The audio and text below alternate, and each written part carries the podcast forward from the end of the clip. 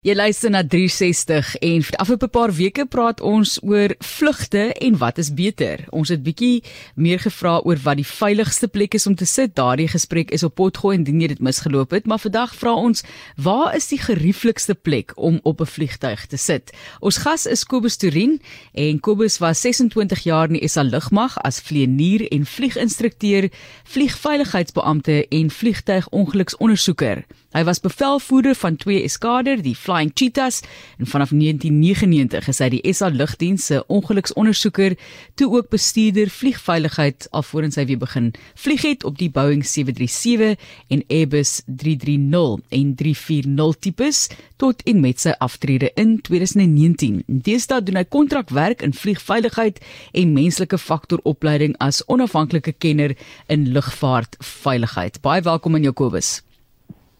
Goeiemôre Marceline, baie baie dankie. Ek hoop dit is warmer daar in die Kaap vandag.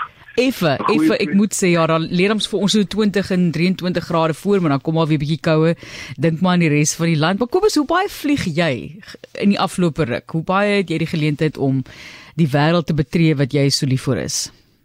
Ek ek ongelukkig self vlieg ek nie, maar ek bedoel ek is nou reg weer 'n uh, bietjie sou toe in Suid-Korea um, vir 'n simposium. So nou dan kry ek daai geleenthede ander is maar Kaap toe terug of George toe meeste van die tyd, maar dit is maar dit. okay, so ek is nie ek neem aan uit jou antwoorde vandag gaan ek aflei waar jy gewoonlik sit op 'n vliegtyg. Maar kom ons praat oor die gemaklikste sitplekke. Ek het baie keer uh, sommer oproep so na die lugredery sê ek luister hier, maar ek dit is wat ek op die internet sien, maar ek wil naby in die ja. toilette sit, maar jy wil ook die heel dag hoor hoe ouens daar agter te kere gaan met die met die kos en al daai tipe van dinge nie so.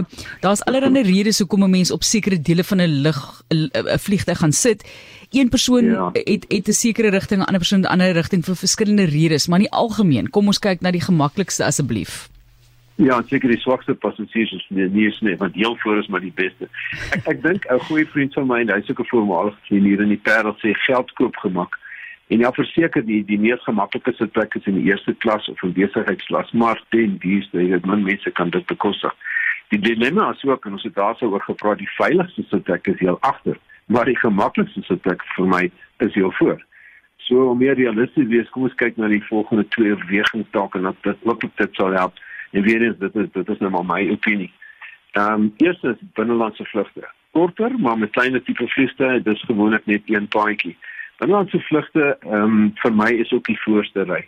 Of dan gewoonlik is hulle altyd vol by die oorvlek nooduitgange en dan ook by die venster. En dit is nou maar my voorkeur.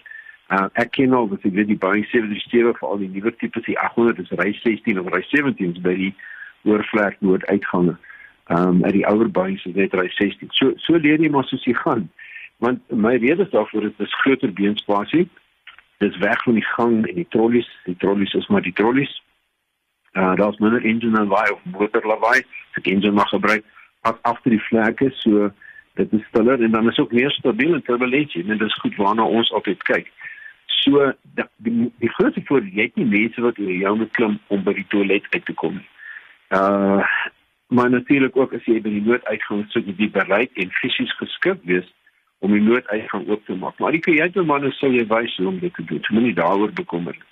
Natuurlik as jy ook maak sy eerste uit, dis natuurlik iets wat ek nie hard praat nie, maar dit is 'n veiligheidsaspek. Dan as ons kyk na die die buitelandse vlugte, dis 'n bietjie anders. Dit is dis groter vliegtye, dis gewoonlik twee gange of paadjies wat mens dit ook al benoem.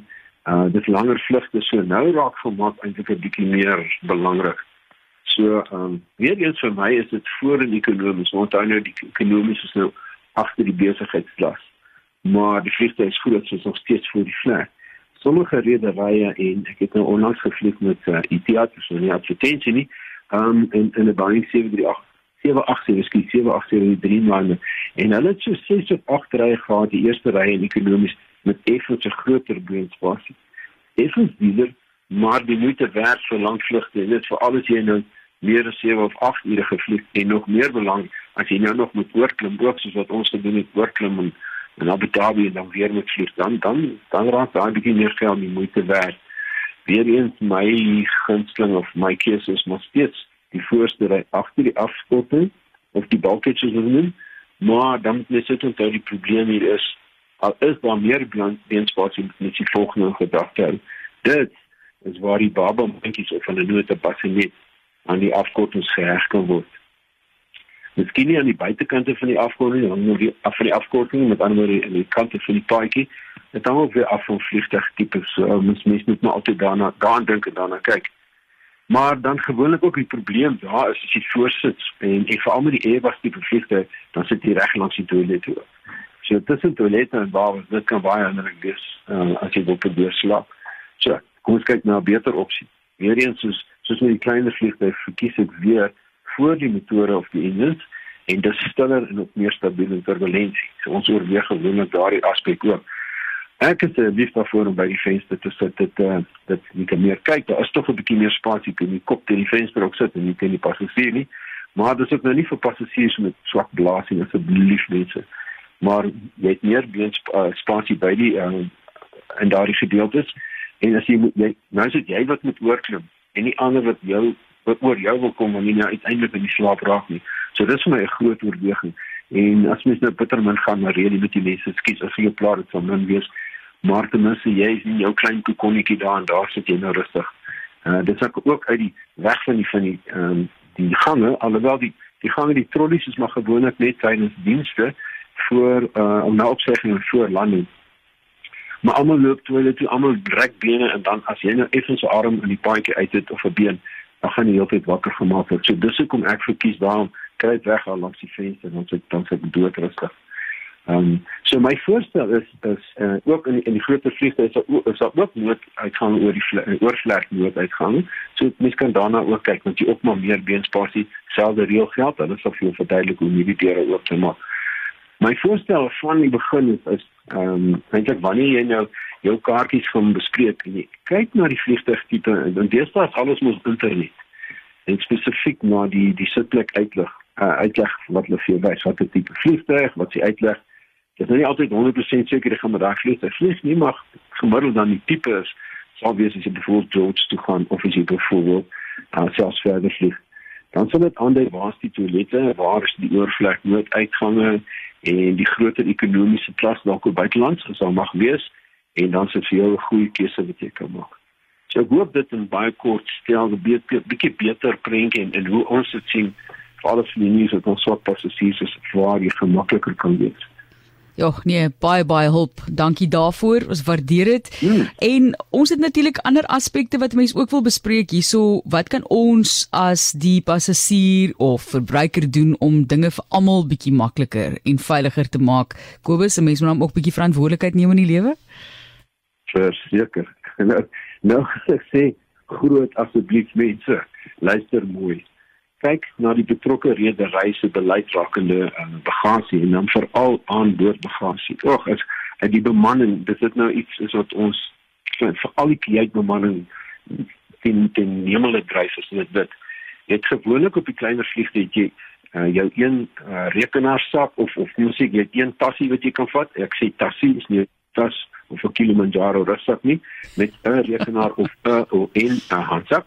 Jy weet maar jy kan nie glo waarmee mense aan boord kom nie. En en die kajuitbemanning laat gee op hulle hulle en dan uiteindelik is daar nie plek nie. So kyk mooi, dan is daar ook wat is die maksimum gewig? Gewoonlik is dit so 7 kg vir binnelandsvlugte en dan 14 kg op die groter vliegtuie. Met ander woorde as groter bagasiebakke bo kan jy kop. So daai is my so belangrike mense jong. Hulle blyk of hulle trek beteken die wat toe gaan ek kom kinders het ek weet dit is dis nie maklik nie maar asseblief mense. Die grootste probleem ek dink hoekom mense dit doen is hier die Engelse term baie mooi woord is pilferage waar daar goed of of ehm um, dit waar nou nie tasse gekrap word en so aan. Maar as jy jou tas daar toe draai vir dentlik sluit dan is die kans vir bitterskraal. Ek dink dit net aan gemak en veral in veiligheid Nou die die maksimum grootte van die die tas C wat jy bring is ook natuurlik um, uitgestip. Dit is daar en eintlik by die lughawe daar is sulke houers waar jy dit kan aanpas maar dit word nie afgedwing nie. Dit is ongelukkig die mense gee ook maar moed op want dit raak nou uiteindelik die bemanning se probleem. So nou is dit nie net ongemaklik nie, jy's laat, nou sien nou nog die veiligheid word ook beïnvloed en ek gaan gou sê hoekom. Ehm um, iets net voor ek daaroor van is wat my ook oog gemaak my woedend is jy het nou 'n kaartjie in ry 60 B of D. Nou kom jy ingestap voor, pak jy jou tasse hier in ry 4 of 5.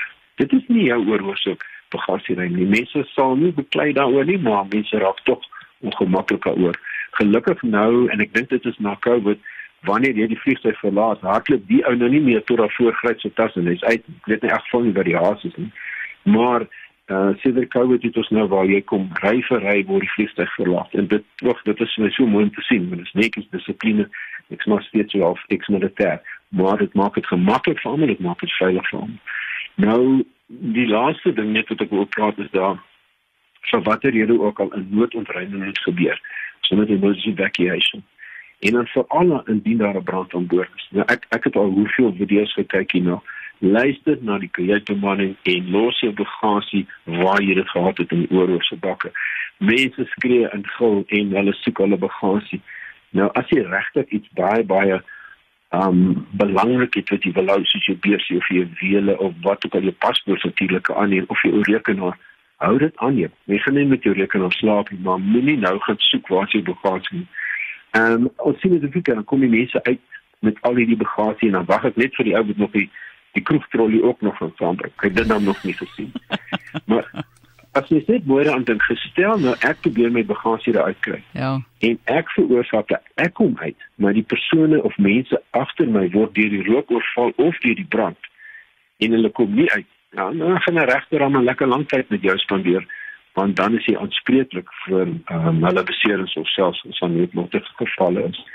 So bly kalm, kom uit en weg van die vliegtuig vinnig maar ordelik. Ons ons is nogal redelik swak as passasiers in, in ons land het ek dit al gesien in daardie aspek. So ek hoop dit dit help ook net jy maar baie dankie maar geniet jou vlug. Dis nou nie net jy neem moenie en so voort nie. Ons sê vir jou baie baie dankie waardevolle wenke en dinge wat ons in ag moet neem wanneer ons wel gaan vlieg om dit vir almal so veilig en gemaklik as moontlik te maak. Kobus, baie dankie. Dis lekker om met jou te gesels die afgelope tyd. Geniet hierdie interessante werk wat jy doen. Baie dankie Matlies, warm bly en groete so. Dis Kobus Turin wat met ons gepraat het oor die gerieflikste plek op 'n vliegtyg. Hy het voorheen vir ons gesê waar die veiligste is en dit is natuurlik meer kompleks as net een plek. Dit gaan oor die tipe van ongeluk, al daai tipe van dinge, maar ja, hy is al vir 26 jaar in die SA lugmag as vlieënier was en vlieginstrukteur op soveel verskillende vlakke betrokke gewees en deesdae doen hy kontrakwerk in vliegveiligheid en menslike faktor opleiding as onafhanklike kenner in lugvaartveiligheid.